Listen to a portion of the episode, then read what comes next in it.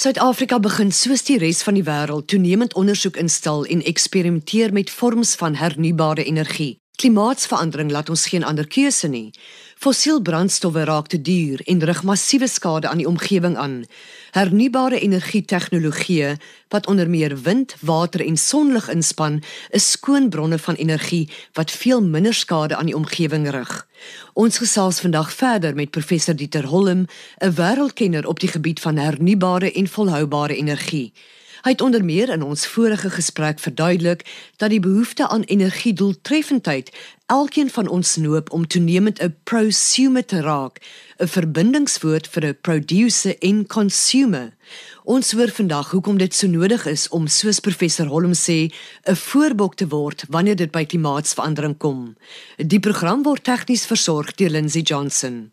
Professor Holm, hoe vergelyk Suid-Afrika se hernubare energie suksesse met die res van die wêreld? Ons is so omtrent 23 jaar agter by wêreldstandaarde, maar dit is alright. Dit is alright want um, hy word internasionaal gedryf. Dit is 'n verandering soos die verandering van perdekarre na motorkarre. Ons ons is 'n klein land hier, so ons gaan dit nie keer nie. Ons kan net agterbly, maar ons kan dit nie keer nie uh dat gebeur dat die hele wêreld beweeg in die rigting van energiedoeltreffendheid van energie desentralisering demokratisering en daar uh, met ander woorde die mag verskuif na die hand van die mense wat inisiatief het en die wil het en die die insig het om om aan te beweeg met tye en eintlik voorbokke te wees leiers te wees in hierdie gebied Byvoorbeeld die Oostenrykers is nou leiers in sonwaterverwarming per persoon het hulle meer as al die ander. Ons is tamelik agter in die ry. Maar ons het dubbel die sonskyn en dit nogal uh, vir in die meeste dele van die land in die winter. Wat kan ons almal prakties doen om energie te bespaar? Mooi.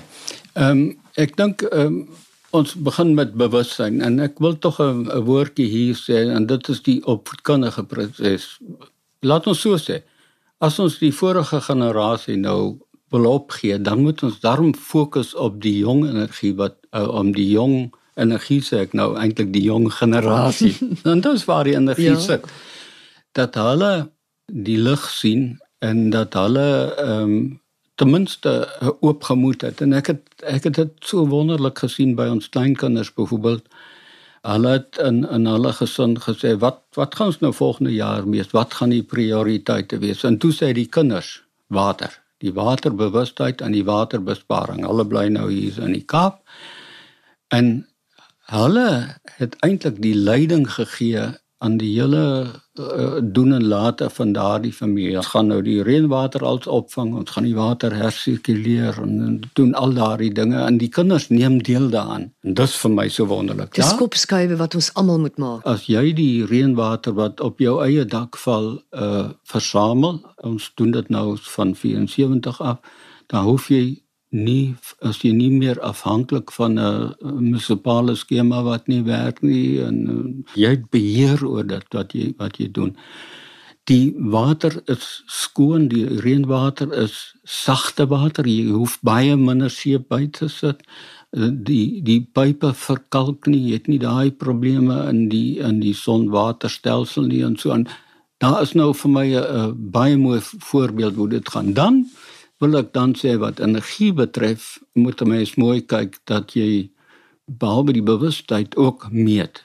Want wat jy wat jy meet is wat jy weet. En dat jy byvoorbeeld uh, bewus daarvan is dat wêreldwyd is omtrent die helfte van die energie gaan in verwarming en verkoeling in. Nou mens dink altyd as jy energie dink dan dink jy aan die eerste instansie en almal praat so as elektrisiteit maar wêreldwyd is die grootste eindenergieverbruik is verwarming en verkoeling. Dat jy kyk as ek nie besig om onnodig te verkoel nie. Kan ek nie hier 'n bietjie geïsoleer het of 'n venster bietjie kleiner gemaak het dat hy nie oorverhit nie dat jy die hy verkoeling nie nodig het nie. Of van landbouprodukte kan jy kan ek nie 'n bietjie 'n dikker laag isolasie aan die aan die koelkamer sit nie? Kan ek nie die produkte voorverkoel? Of moet ek hulle eh, pluk in die warmste tyd van die dag en dan in die koelkamers invoeter nie? Is, is dit nou eintlik wys? So met ander woorde verwarming en verkoeling is die helfte van die eindenergieverbruik. Die volgende ene snaaks genoeg is vervoer omtrent 30% weer eens ons kom by daardie ding. Is dit nodig? Moet ek hierdie rit doen?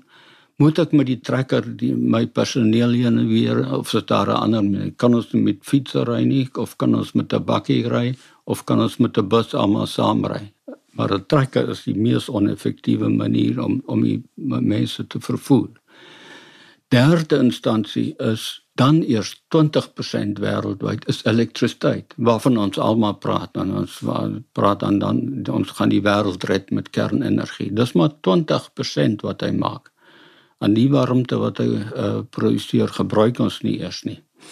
So met ander woorde ek sou sê dat ons die bewustheid het en dat ons dan kyk in die prioriteite eerstens verwarming en verkoeling want dit maak die helfte van ons finale energieverbruik.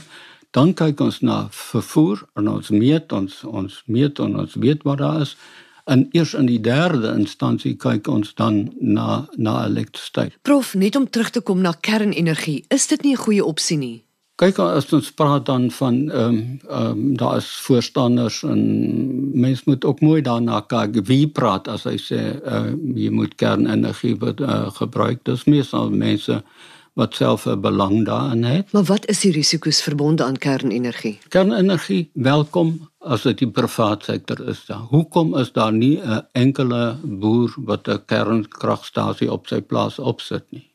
Omdat hy nie assuransie daarvoor kan kry nie. Dit beteken nie mense eh, die belasting betaal het dra die risiko sonder dat hy dit weet. En dit is ongesonde want hy word eintlik bedrieg. Daar's 'n ongesonde uh, koppeling tussen die mense wat dit uh, doen want hulle doen dit nie met hulle eie geld nie en hulle doen dit nie op hulle eie risiko nie. Ag gelag. En die ander opsies is net soveel goedkoper. Hoekom sal jy 'n duur ding doen as jy dit op 'n goedkoop en 'n veilige manier kan doen? En gaan hernubare energie bydra tot werkskepping of dit benadeel? Hernubare energie se werkskepping en sy permanente werkskepping nie met die bou van die kragstasie nie, maar eintlik sy permanente werk wat hy daar lokaal skaf. Nie op 'n ander plek ver van my verwyderd in Mpumalanga nie maar hier op my plaas waar ek my energie nodig het daar skep ek die werk wat met hierdie hernubare energie saamgaan. En dit is vir ons in die land 'n prioriteit. Professor tot watter mate word hernubare energie in Suid-Afrika in die groot industrie toegepas? Ons kan kyk na die energieproduksie en aan die energieverbruikkant. Aan albei kante kan ons geweldig baie nog met energiedoeltreffendheid doen. Suid-Afrika is nie 'n baie uh, energiedoeltreffende land nie. Vir elke rand wat ons verdien, verbruik ons baie meer energie as wat die wêreld gemiddeld is. Met ander woorde, ons vaar eintlik sleg daar. Dit is die eerste punt. Maar hoekom vaar ons so sleg? Wat kort. Ons is gewoond om by die ou manier te bly en dit is die ou model van gesentraliseerde energievoorsiening. Ons um, reken die Vaderstaat sal vir ons sorg en ons doen dit nie self nie. Boerdery en dit is so wonderlik. 'n Boerdery is eintlik in wese 'n energieprodusent. Kos, wat is dit? Dis energie. Met ander woorde, die boere voorsien eintlik vir sy land en ook vir uitvoer voorsien hy energie wat ons nou eet. Maar met hernubare energie en dit is so wonderlik. Hernubare energie kan jy self produseer. Dit is nie nodig om die gesentraliseerde model wat ons verouds gebruik het te gebruik nie, maar ons kan dit desentraliseer. En dit beteken eintlik ook demokratiseer. En dit is vir my 'n wonderlike gedagte. Nou nou is dit ek en jy wat energie kan opwek wat ons self kan gebruik en wat ons kan verkoop vir handel vir smous. Dit was professor Dieter Holm. Sy uitkyk en ingesteldheid is inspirerend. In 'n neutedop dat daar altyd 'n silwer randjie is en geen uitdaging te groot is om te oorkom nie. Dit sluit ook aan by die woorde van die internasionale omgewingskundige aktivis en skrywer Paul Hawken. Ons sien klimaatsverandering nie as 'n onvermydelikheid nie, maar as 'n geleentheid om te bou, te innoveer en verandering teweeg te bring.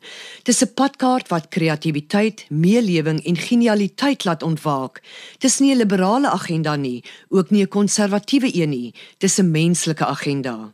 Die program word ondersteun deur die Wes-Kaapse Departement van Landbou. Ons groet tot volgende keer. Onthou die aarde is kosbaar, kom ons bewaar dit.